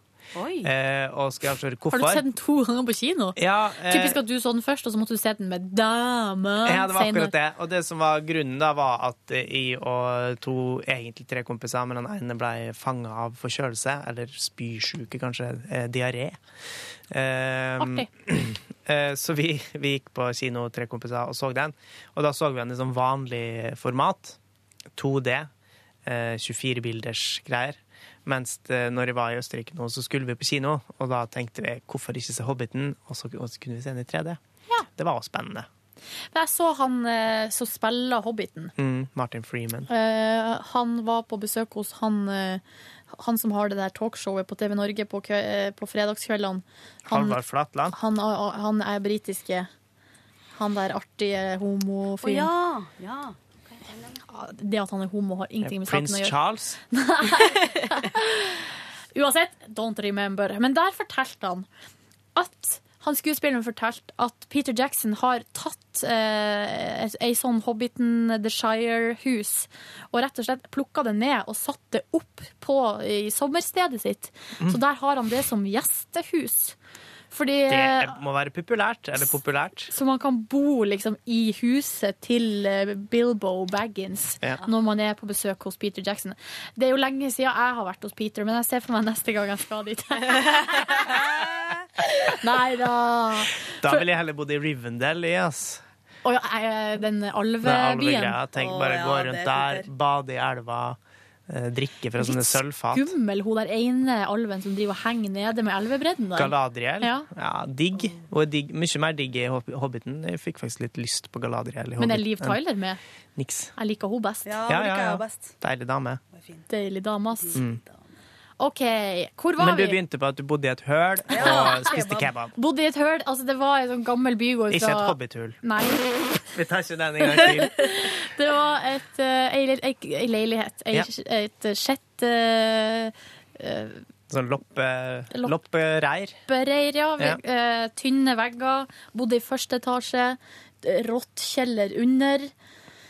Det var sinnssykt kaldt, og, der bodde, og røyka gjorde jeg òg i denne perioden her. Og der bodde vi og hadde det veldig kaldt, og sikkert mugg i veggene og sånn. Mm. Så det var nå det ene. Og så drakk jeg en del i denne perioden. Det høres ut som jeg var, var på kjøret. Ja, men Man høres ut som sånn gammel, sånn gammel fyr. Ja. Eh, den første studenten Jeg hadde det sånn sjøl. Studenttilværelsen. Jeg hadde ikke det første året, men det andre året var mitt liksom gammel gammel fyr-greier. Ja. Og vi hadde jo, det var så billig der vi bodde. Det var et kollektiv med fem jenter, og det var eh, toalett ute, liksom i oppgangen. Ja. Så vi Ja. måtte låse oss ut av leiligheten og gå ned ei trapp, eh, der alle for jo og gikk i den trappa, og Ja. inn der var altså vårt toalett. Jævlig ekkelt. Eh, og det, eh, etter hvert så gikk jeg der i liksom trusa og bærføttene, ut der og ned på do. Ba, uten BH Ja. og trus, uten T-skjorte? Oh yes. Nei. På natta jo. Når jeg Ja, våkna på natta, så gikk jeg bare ut, jeg. Ja, det er jo ikke helt krise, egentlig. Da, der er vi over på liksom eh, Nei. Ja, ja. Er du sjokkert? Nei, ja. Ungdommen nå til dags. Men uh, altså, nå skal jeg ikke si det jeg hadde tenkt, for det var bare en umiddelbar tanke som jeg kan trekke hadde, med. det, det du tenkte var hvis jeg hadde blitt voldtatt, så hadde jeg bedt om det. Nei, men altså, Det var man- det du tenkte? Nei, altså, det men det er i hvert fall et sterkere argument enn uh, det enkelte andre kommer med, da. Hvis man er veldig konservativ. Men altså, man blir ikke voldtatt. Altså, man ber aldri om det. Nei. Men samtidig så kan du liksom si at uh, du virker litt promiskuøs, da, kanskje. På, på den eventuelle som har gått inn. Virker som man er åpen for det meste. Ja. Ja, det er vel mer det at man var lat og ikke gadd. Mm. At, eh, og jeg er jo en tisser. Men hvorfor pissa du ikke bare i senga hvis du var så lat? Og det var såpass skittent allikevel? Det var egentlig ikke så skjettent. Altså, vi vaska jo, men det var jo skit i hjørnene der Ja. som jeg føler gikk liksom eh, sånn 50 år tilbake. Iboende skit i leiligheten. Mm. I liksom eh, rennene i parketten, liksom, i ripene. Men uansett ja, det var det, og så spiste jeg kebab jævlig mye i løpet av de to årene jeg bodde i det der shit-hølet. Mm. Sånn at eh, jeg spiste eh, kanskje to-tre ganger i uka Ja. til middag, liksom. Ja, Er det mulig? Nei, men jeg har vært borti der sjøl. Yes. Det, man, vi har ikke spist kebab nå på veldig, veldig lenge. Eller kanskje jeg prøvde en eller annen gang, men da var jeg dritings. Jeg bruker å spise det sånn natt til søndag, natt til lørdag. Hender det seg jeg gjør. Men uh, Ikke gjort det på lenge. Men hvordan, så, eller hvordan følte du deg på den tida? Eller hvordan så det ut? Var det, har du merka noen forskjell skal når du har si slutta? Uh, Nei. Eller jeg var jo tynnere da. Oh, ja. Men jeg var mer blubbete i trynet. Jo, men du, det der er, det der er sånn der noe ung, altså sånn tidlig 20-år-greier. at man, du kan gjøre hva faen du vil, Også, Ja. men kroppen bare er på en eller annen slags måte, og så tåler han så jævlig mye. Ja. Du trenger ikke søvn, du kan røyke ubegrensa sigaretter omtrent, virker det som, men så smeller det skikkelig etterpå. Da. Ja, for jeg kom jo til Oslo ubesudla og, eh, og, og rein og, um, og frisk og fin. Mm. Og etter to år år litt besudla fra Hamarøy. Ja, litt, men det var ikke mye, altså. Nei. Og så, eh, etter to år, så var det astma, allergi. Etter hvert fikk jeg Crohns. Og nå tror dere meg ikke jeg har vondt i korsryggen òg. Jeg tror man bare skal ta vare på For det er det som imponerer meg mest, og det jeg skulle ønske at jeg liksom skjønte litt av før, var, det er litt sånn nyere bekjentskap av folk som har liksom alltid hatt et sånt snev av fornuft. Sånn at de har greid liksom De har, de har vært med på alle festene og, og klart å ha gjort det aller meste. Kanskje ikke alle festene, og kanskje ikke vært like lenge på alle. Eh, som har klart liksom å vedlikeholde et slags sånn gode vaner. Og jeg mista alle mine vaner. Eh, Jeg har mista alle mine vaner opptil fem-seks ganger. Eh, og prøvd å legge om og alt mulig sånt. Og det er så jævlig vanskelig. Så hvis man har vane om å trene litt, eller eh, klarer å legge seg for eksempel, på kvelden. Hvordan skal jeg legge meg på kvelden hvis jeg ikke skal noe dagen etter, eksempel? Ja, det jeg gjør det for at jeg blir trøtt. Nå Ja. jeg er jo et, altså det er det som er at til, altså I denne tilværelsen med liksom kebab, så var det, et, det var en rutinemessig hverdag. Ja. Men den, bare, den rutinen inkluderte ikke trening, eksempel. Og rutinen inkluderte å spise eh, kebab til middag hver jævla fredag. Mm. Eh, Sånn at eh, Så for meg, det har ikke vært noe vanskelig. Det har vært en sånn her eh, glidende overgang. For jeg var i Volda, der var det litt sånn roligere. Og da har jeg blitt eldre òg, og mer fornuftig. Du òg bodde jo i Volda. Det var mye fest der. Ja, jeg syns ikke det var så rolig, altså, men nei. Jo, men hverdagene var jo rolig. Og hvis, tenker, hvis jeg har tenkt litt på det For vi begynte jo forelesningene som oftest klokka ti. var Ja. første forelesning. Av og til åtte, da. Ja, Det var ikke ofte. Det var ingen som gikk på dem. Nei. Medievitenskap. Nei. Jeg gikk på det, jeg, da, for jeg var den typen. Men eh, uansett, altså, som oftest, i hvert fall så begynte dagen klokka ti. Og det betyr at jeg sov til klokka ni Ja. hver eneste dag. Digg, da. Jævlig digg. Veldig rolig. Gikk til skolen. Var veldig sånn Spiste du frokost først? Spiste selvfølgelig, for jeg dør jo hvis jeg ikke spiser Ja. frokost. Mm. Um, men det var jo noen harde fyllekuler der, og det var jo ei siste Vi var på en sånn tu klassetur der det var eh, sånn flatfyll. Og det var den siste festen. Og da husker jeg at jeg liksom var og kasta opp. Og så sovna jeg i gangen utafor toalettet. Sto opp, spiste potetgull og gikk tilbake på festen. Og, når jeg, oi, oi, oi, oi. og neste morgen da så tenkte jeg OK, dette var det. Nå er vi ferdig med det her livet. Ja, du la det bak deg der. Takk for meg. Eh, jeg har, føler jeg har gjort en god innsats. Nå er jeg ferdig. Ja. Ja. Men det sto jo i avisene i går at eh, folk som drikker, eller folk som ikke drikker, eh, lever kortere enn folk som tror ikke- drikker. jeg tror Nei, ikke på det det. tror jeg bare er piss. Det er sånn som de har lyst til å skrive, og så kan de lese, og så kommer det en eller annen slags rapport som påstår det, og så gidder de ikke å se på andre sida, og så skriver de det. Jeg tenker at det kan være andre faktorer som spiller inn, da. Ja, så kanskje det er litt sånn folk som faktisk er sjuke fra før av. De drikker jo ikke. Så Nei. de er med statistikken, så Ja, nettopp. Mm. For jeg tror ikke at det er sånn at hvis du For at sånn som jeg har eh, Min erfaring med psykiske problemer er de som jeg kjenner som har litt sånne, og det er ganske mange, Mm. eh, de blir ikke akkurat bedre Nei, av å man blir drikke ikke alkohol. bedre av det. Nei, og hvis du har noe som er litt latent, så tror jeg ikke det er så bra å begynne å drive og ruse seg, liksom, og, og ikke støve om natta, for eksempel. Det skjer jo noe med kroppen når du har vært ute på byen dagen etterpå. Så har du jo, jo mister jo alt av ja. Alle blir jo helt ubalanse. Ja, ja, ja. Nei, det der tror jeg ikke på. Nei. Tror ikke på det. Og det kan jo være sånn at hvis du tenker unge folk som er ensomme, for det var jo det avholdsfolk, unge ungdommer som ikke drikker, er ensomme og deprimert. Mm. Ja. Eh, men det kan jo eh, Du kan jo snu det om og si eh, sosiale ungdom blir pressa til å drikke. Ja, At det det er derfor, faktisk. på en måte. Ja. Hvis du er en sosial person og Der er har du masse ute. ja.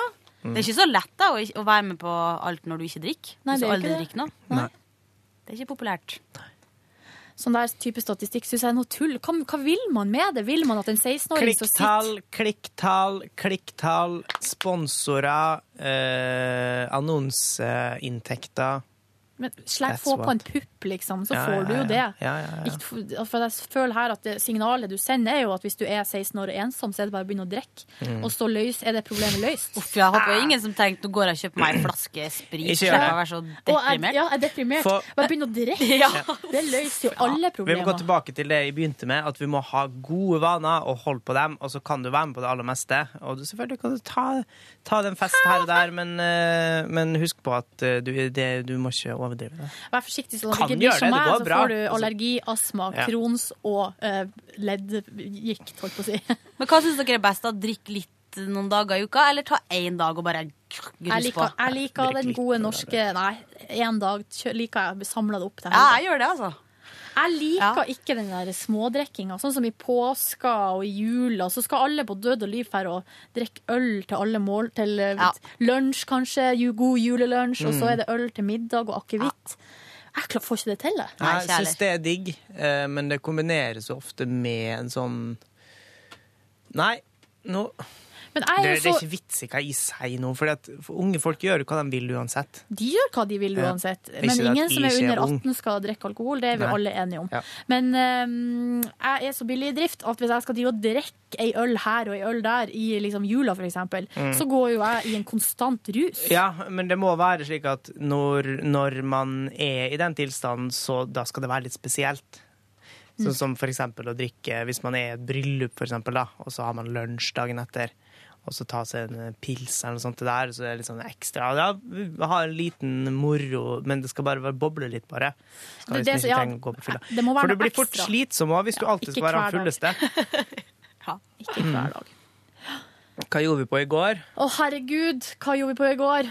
Skal jeg ta igjennom? Vi sov jo lenge, for at i går var det teipa, og Ja. det var jo helt sjukt eh, godt. Mm. Spiste frokost og hørte på meg sjøl, det var jo en litt spesiell eh, opplevelse. Ja. Ja, så tenkte jeg ja, det høres jo høres, Det høres ok». ganske digg ut. Jeg høres faen Jeg kunne tatt meg. Jeg kunne tatt meg. Nei. Var det sånn? Nei. Nei, jeg bruker å tenke det. OK. Du om Om- det. Om det, altså, Silje. Ja. Nei da, Nei, men det er veldig rart å høre på seg sjøl. Ja. Men eh, det kan, man kan jo bruke det i sånn såkalt evalueringsøyemed. Mm. Øyemed, øyenmed, Øyemed. øyemed. OK. Ja, Her prompa du. ja jeg sitter her og fis. Pinlig. Eh, hva gjorde du etter jobb, Yngve? Etter jobb så eh, hadde jeg satt for å kjøpe meg jakke. Og mange vil spørre hæ, men har ikke du nettopp kjøpt ei jakke? Du kjøper mye, Yngve. Av og til lurer jeg på hvordan Du må være så flink med penger. Du får så mye ut av pengene Silje, dine. at de er faktisk ganske flinke med penger, bortsett fra å betale regninger og sånne ting. Fordi at plutselig så får jeg ting jeg har glemt av. Eh, Jeg får eh, purrevarsler, og sist nå en inkassovarsel fra en eh, snurt takstmann som ikke hadde fått inn pengene sine. Så jeg tenkte hæ, hadde ikke betalt han likevel, da? Nei, jeg bare tenkte. Ja, ja. Der, der, der er jeg ikke så flink, men det gjør jo at jo flere regninger jeg ignorerer, jo mer penger har jeg liksom til overs. Ja. Sånn at, Så flink du er. Jeg er ikke så flink, men, men jeg er ganske flink. Jeg følte meg ganske flink i går, fordi at nå har jeg betalt unna alle regningene mine. Og hadde i tillegg råd til å kjøpe meg jakke eh, som jeg kan stå på ski med. Ja. Eh, I bakken. I bakken. Eller gå på tur oppover og sånne ting òg, da. Den skal ha liksom nok lufting Men og være sånn, vindtett det er ikke og sånn tynn eh, langrennsjakke. Å, nei, nei, nei. Det er det ikke. Det er ei ganske tjukk og robust eh, bergansjakke av Oi. typen Nordkapp. Okay. Som eh, jeg tror skal bli meget bra. Er du Den sponsa av Bergans? Ja. Det, OK, da har vi det på det rene. Ja, så dere må ikke høre på det jeg sier. Det at de har bare kjøpt og betalt. Nei da, det er jakke med litt sånn eh, pelsgreier og diverse rundt, eh, rundt hetta, som det går an å ta av. Jeg er stort sett fornøyd, men det som jeg var litt misfornøyd med meg sjøl, var at jeg hadde avtalt å møte en kompis på trening, og så tenkte jeg at men da skal jeg først rekke å kjøpe jakke. Og da skulle jeg først ned til byen for å sjekke et tilbud der nede. Skulle browse litt. Ja, og så var jeg borti et par jakker der nede som eh, kanskje var liksom like bra. Det var sånn testvinnere og sånne ting, da. Jeg blei snakka til av en uh, ung eh, ekspeditør i butikken som uh, viste meg noen jakker som han tenkte jeg kunne få god nytte av. Og så var jeg borti en, en rar ting, fordi at jeg har jo en kjøpshjelp, men hun bor i Østerrike. Ja, det er dama di. Ja, og så da bruker jeg av og til bare å ta bilde av tingen, og så sender jeg på e-post, og sier hei, kan ikke du sjekke dette her nå? Og hun er, ofte, hun er veldig glad i utstyr og sånne ting, slik at hun ofte sitter, kan bli sittende i timevis og lese om forskjellige jakkespesifikasjoner og sånne ting. Eh, kan kalle det kanskje litt nødvendig, men, eh, men det er til god hjelp. Og så sa jeg til han fyren, idet jeg skulle tenke litt på det, sa jeg ja, jeg skal bare ta bilde av en jakke her. Og så sånn eh, Ja, det Jeg Eh, Var ikke det lov, det? det vi har egentlig fotoforbud her. Så det vet Å, herregud, du, ja, du kan også jeg ja, men eh, nå har du advart meg, men så trosser jeg det forbudet. Ja, også, sa du det? Ja. Bra. Han sa liksom Han, han lot det være eh, Han lot det være åpent, da. Altså, jeg måtte bare gjøre det, men nå hadde han sagt at eh, det ikke var lov. Eh, og så det han gjorde da, idet jeg hang opp jakka for å ta bilde, Ja. så gikk han vekk. For liksom, ja, han skulle ikke bli observert sammen med meg som sto og tok bilder av ting. Um, men det ble ikke til at jeg kjøpte den, så jeg, jeg for opp et annet sted og kjøpte ei jakke. Men da fikk jeg jo jævlig travelt for at jeg skulle treffe han kompisen min på trening. Jeg rakk ikke å spise annet enn en yoghurt og en banan. Men det var tilstrekkelig. Og så kom jeg selvfølgelig forsinka dit, men da hadde jo han varma opp. Og så hadde jo egentlig i å varme opp, ettersom han sprang rundt i byen i dunjakke. Ja. Eh, og var helt forferdelig omkava og svett. Trente, satt på sofaen, satt i sofaen etterpå eh, og la meg i nokså høvelig tid. Flink du er. Veldig bra. Sigrid, da? Du, jeg har så kjedelig liv for tida, fordi på grunn av den der kolsen som jeg har, Ja, ja, så ja. prøver jeg jo da å jobbe og ligge. Ja. Det er Ja. liksom Ligge livet. rundt deg, eller? Ja, litt ligge med forskjellige folk Ja. og mm, Ja.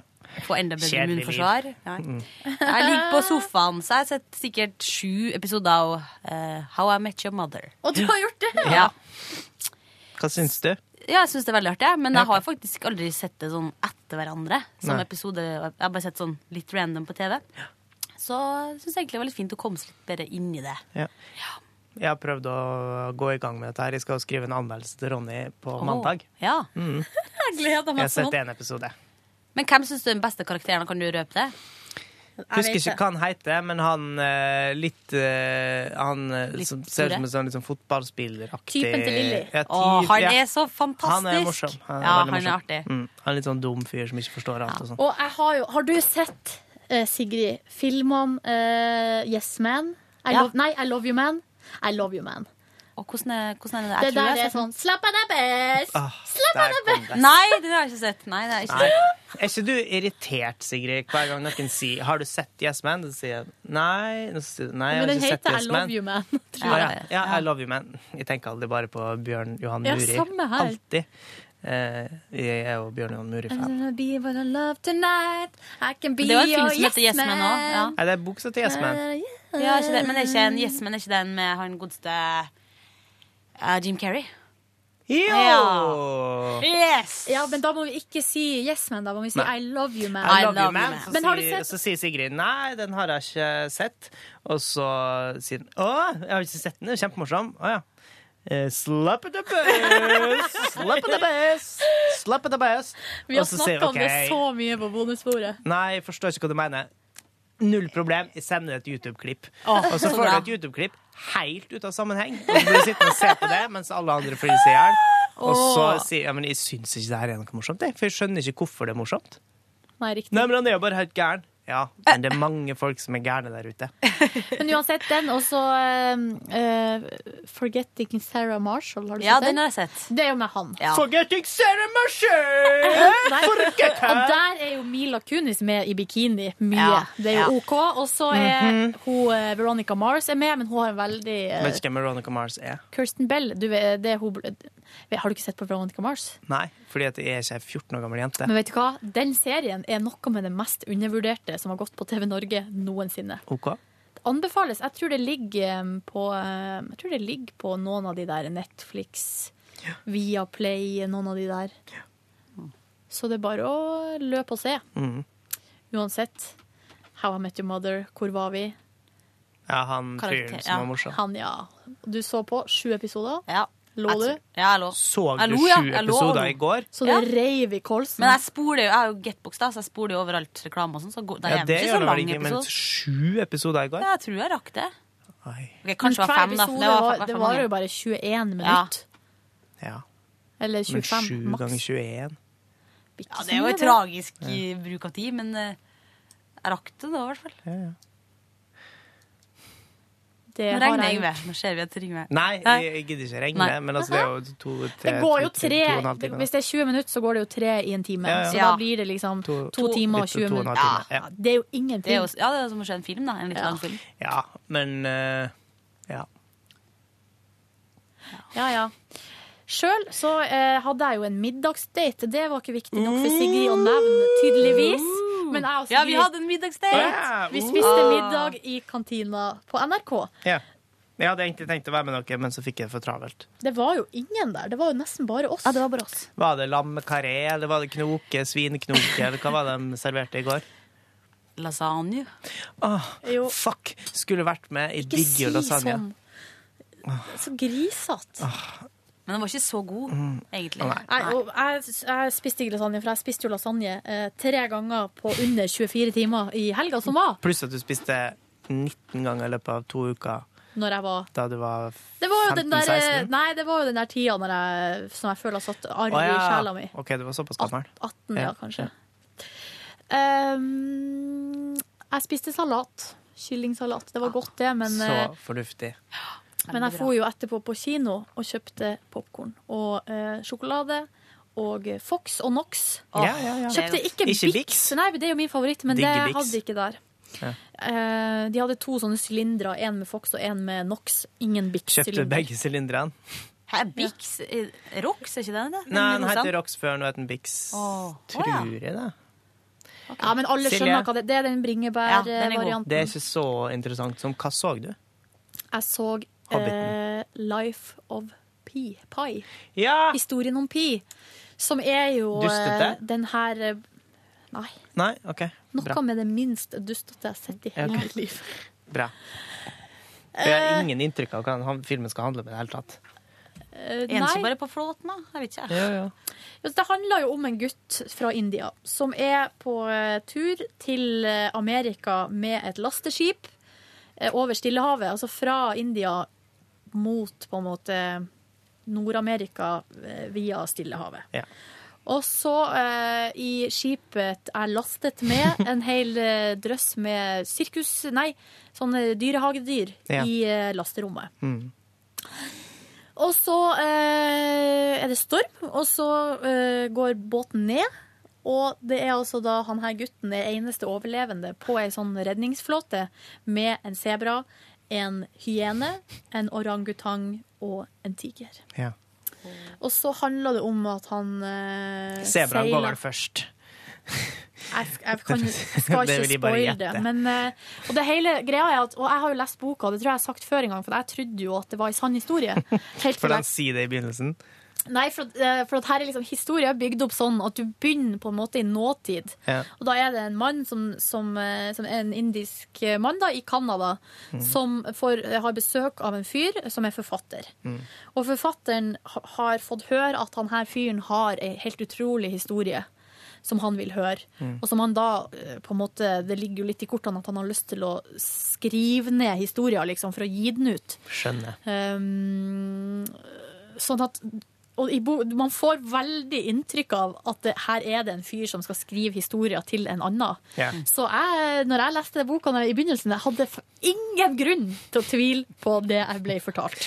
Var det slik som i begynnelsen av Reisen til eh, julestjernen, der uh, Rolf Just Nilsen sier 'det er sant, hvert eneste ord', Ja, måtte sånn. jeg straffes fra oven hvis jeg lyver. Og så idet han sier det, så kommer det en Kom ball og syng ditt sang! La, la, la, la, la, la, Nei, nei, la, la, glipp av la, la. Fordi det han sier det, så står en, sånn, en av sjonglørene bak, i bakgrunnen, og så mister han en av ballene. Og så får han den i den, hodet. får han den i hodet. Ja. Eh, Ikke sant? Så det Riktig. betyr, det kan være et hint om at han lyver. Men det er jo sånn, det ble sånn at eh, om jeg ikke jeg trodde det var i sann historie før, så tror jeg det i hvert fall nå. Ja. Jeg slukte rått, jeg. Ja, ja. Det er nok, er Så du de par 3D? ting der. Ja, det gjorde jeg. Det er Imponerende en, eh, effekter. Ja, ganske. Og det er noen scener der som er helt utrolig. Og så er det sånn at i begynnelsen så forteller han her mannen som på en måte eier historien på et vis, han sier eh, det her er historie som kan få deg til å tro på Gud. Ja vel.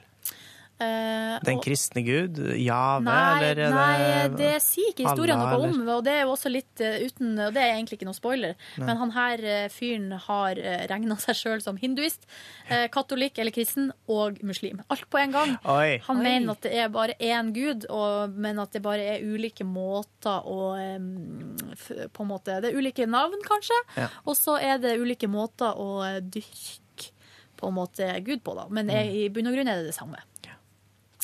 Så det var, det var en veldig fin film. Grining? Høres det kjedelig ut? Ja, kanskje litt, men det er sinnssykt spennende på den flåta. Og det er, eh, det, det er noen passiarer der med den tigeren som er utrolig spennende. Grining? Ja, det var tilløp til det. Det var det. Mm. Ja. Hvordan slutta filmen? Kødda, kødda, kødda, kødda, kødda, kødda, Ja, jeg kan ikke si det. Kan ikke si om han, kommer, om han overlever heller. Han overlever jo obviously, Ja, siden han han sitter og eh, sitter og forteller historier, da. Men, Men, kunne eh, jo gjort det i Guds himmel, da, ikke sant? ja, nei, det, han, de sitter jo i helt vanlig stue, de lager jo mat. Og, Ingen vet hvordan Guds himmel ser ut. Nei, okay. Så jeg gjorde det, da, og så for jeg hjem og uh, egentlig bare la meg. Ja. Så det var det. Det var den dagen. Mm. Og så var jeg jo så nervøs i går. Eller ikke nervøs, men det var jo sånn når jeg skrudde av lyset og lukket igjen øynene, så begynte liksom Ja. Da begynte tankene sånn derre ja, Du tenker på at du skal få kjøleskap i dag? Ja, det òg. Ja. Nei, på det at vi skulle ha sending alene i dag, Ja, og jeg skulle kjøre teknikk. Og um, hva skal jeg si? Og så når det skjer, så skal jeg si det. Og så Mm. kommer Kristian Strand, da kan jeg si sånn. Og så skjer det, og så kan jeg si det. Og så, ja. Altså, det er bare kverna og kverna og kverna og kverna. Um, så fikk jeg ikke sove. Nei. Uff da. Du jobba i natt, du. altså. Du håper du Ja, skriver gjerne timer for dette her. Ja. Kan bli grei. Det blir overtid. Nattillegg. Ja. Greit, det, da. Ja, I dag, var- Du får kjøleskap i dag. I dag får jeg seng. Jeg, skal si en jeg gruer meg litt til å få den jævla senga. Hvorfor det? Fordi at jeg får sånn samvittighetskvaler når folk skal drive og bære ting opp for meg. Ja, det er jo derfor eh, du De var ikke- betaler jo 1000 kroner for at de skal gjøre det omtrent. De tar men da. fleska godt betalt for å bære opp denne greia der. Du var ikke med på debatten forrige uke, men Mm. debatten forrige uke gikk på eh, fordi at jeg har jo kjøpt kjøleskap og bestilt levering til døra, Mm. ikke bæring inn. Nei. Eh, og det her var jo Ronny og også Sigrid ganske sterkt imot. De mente det var helt idiotisk. Eh, men jeg syntes jo, for det kosta 200 å få det levert, 400 ekstra å få det båret inn i leiligheta. Jeg syns at de 400 kronene ikke var verdt det. Nei. 400 kroner ekstra for en båret opp til Hvilken etasje er det snakk om? Andre. Andre, ja. Nei, men et kjøleskap er jo ikke så forbanna tungt til det. Ei stiger seng, det være. De sier jo at det er noe med det tyngste du nesten Ja, det er jo vaskemaskin. Ja, vaskemaskin Og et piano, selvfølgelig, men det er jo veldig tungt. Piano er tungt. Kjøleskap. Du trenger jo ikke putte maten inn i kjøleskapet før du bærer den. Jo, det skal jeg gjøre. Ja. Ja, vi får se om, vi, eh, om jeg klarer det. Ja. Beleilig nok så har jeg invitert til eh, kveldsmat til noen venner som skal komme og spise. Ja. Men um, faren er jo For at det her kjøleskapet skal komme mellom fem og ti. Ja. Så det kan jo komme når som helst. ja. Det å, å sitte på anke og vente på dette her, det syns jeg er så slitsomt. Ja, det er kjedelig. Mm. Hva heter den nye kringkastingssjefen? Tor Gjermund Johansen? Eriksen. Eriksen. Mm. Det var ikke så langt unna det. Neida. Var det en test? Ja. Tor Gjermund Eriksen. Mm. Eriksen. Skal aldri glemme. Nei. Jeg skal ha samme pro Jeg skal egle meg inn på han akkurat sånn som jeg har gjort med Hans Tore Bjerkås. Jeg har jo hatt en kampanje lenge. Endte med at han kom på bursdagen min og ga Mm. meg kake. Mm. Jeg har jo um, gitt roser og alt mulig til Hans Tore Bjerkås. Ikke i en sånn um, ungkarskvinn-roseseremoni. Vil du eh, akseptere denne her, Rosa Bjerkås? det var ikke så langt unna. Fikk jeg klem og alt mulig. Hvordan går det med Max Marius, egentlig? Han som var med i den første sesongen av Ungkaren? Ja, ja. Jeg vet ikke. Nei. Jeg vet ikke. Det er da bare Stig Kjos som gjør noe ut av seg, og den guttene der. Stig Kjos, hvem er det? Ungkaren sesong to, vel? Jeg har aldri sett på Ungkaren. Nei. Det eneste gang jeg har sett på Ungkaren, eh, The Bachelor, var i uh, Når de hadde Og det var På trans, han Nei, det var ja. når det var med dverger. herregud. Eller kortvokste, da. Og eh, det, Det var det. Og det var så sjukt, for at det var eh, mannlige kortvokst... Nei, hvordan var det her? Nei, det var én mannlig eh, som var liksom The Bachelor. Og så var det en hel drøss med, med eh, kortvokste damer da, som skulle prøve seg på han. Og så kom det en sånn twist ute i sesongen der, der de bare sendte inn en hel drøss med sånne langbeinte eh, topp, sånne modeller. Eh, normalstørrelse, da. Eller ikke normal, ingenting er normalt. Alt er Mm. normalt. Mm. Men i sånn eh, majoritetsstørrelse, kan man si. Og da ble det full krig da inne i eh, hva man skal kalle det, hønseflokken, da. Mellom de, eh, de kortvokste mente at det var urettferdig. Mm. Det var, eh, det var fall når de skulle, sånn, stusslige når de skulle konkurrere i kappløp og, og sånne ting. Men det her var, nei, det var ikke sånn, tror jeg. Nei. Men det her var jo i den perioden jeg bodde i det kollektivet der vi hadde dass på gangen, og jeg Mm. fikk eh, astma og allergi. Så kanskje bare det, det at jeg drev og så på sånn uh, søppel-TV, så fikk jeg som en straff fra høyere makter Ja. sjukdom. Nå kom vi på en, eh, en morsom historie som vi kan ta på tampen, om sånn eh, do ute i gangen. Ja. Eh, Fordi det var noen venner med som bodde i lang periode. Det var sånn overlappingskollektiv. Så eh, sikkert i en sånn tre-fire-årsperiode så var vi stadig vekk på fest nede, nede på det kollektivet. Der var det do på gangen. Og så var det en gang at jeg satt eh, i en ganske nokså dyp og nokså alvorlig samtale med eksen min i trappa. Der vi liksom, det var et eller annet vi skulle måtte få, få greie på eh, på festen der, da. Og da var det en, han som bodde over eh, etasjen. Vi hadde gått litt opp i trappa for å prate. Privat. Eh, privat, ja. Og han hadde allerede vært nede og klaga sikkert ni ganger på støy fra festen, men eh, det gikk aldri igjennom. Eh, Så han var åpenbart eh, jævlig irritert i utgangspunktet. Og i tillegg så hadde han diaré den kvelden her, så han var på do. Han var på do sikkert eh, ja, fire eller fem ganger mens de, og den her dama, jenta, satt eh, i trappa. Eh, Stakkars. han for da og trippa, og så var han såpass gneten at han eh, hadde sin egen dorull. Han hadde ikke dorull stående inne på toalettet, sånn at han for og bar på dorullen Å, sin herregud, å, herregud. fram og tilbake. Og drev og låste opp og igjen med hengelås. Og tråkka over oss og var selvfølgelig jævlig irritert, men òg kjempeflau for at han skulle gå i dette her tømme ryggen ærende nok en Men gang. kunne han ikke gang bare på gang, sitte på, gang, på do? gang. Han kunne bare blitt Jo, der. eh, han blei jo ofte sittende i sånn ti minutter, kvarter om gangen, da. Vi satt jo ganske lenge og prata. Så det blei jo til slutt eh, Jeg tror det ble hele løsninga på, på hele den lille konflikten, var at vi ble sittende etter hvert da og knise litt av han. Oh ja. Som, Ja.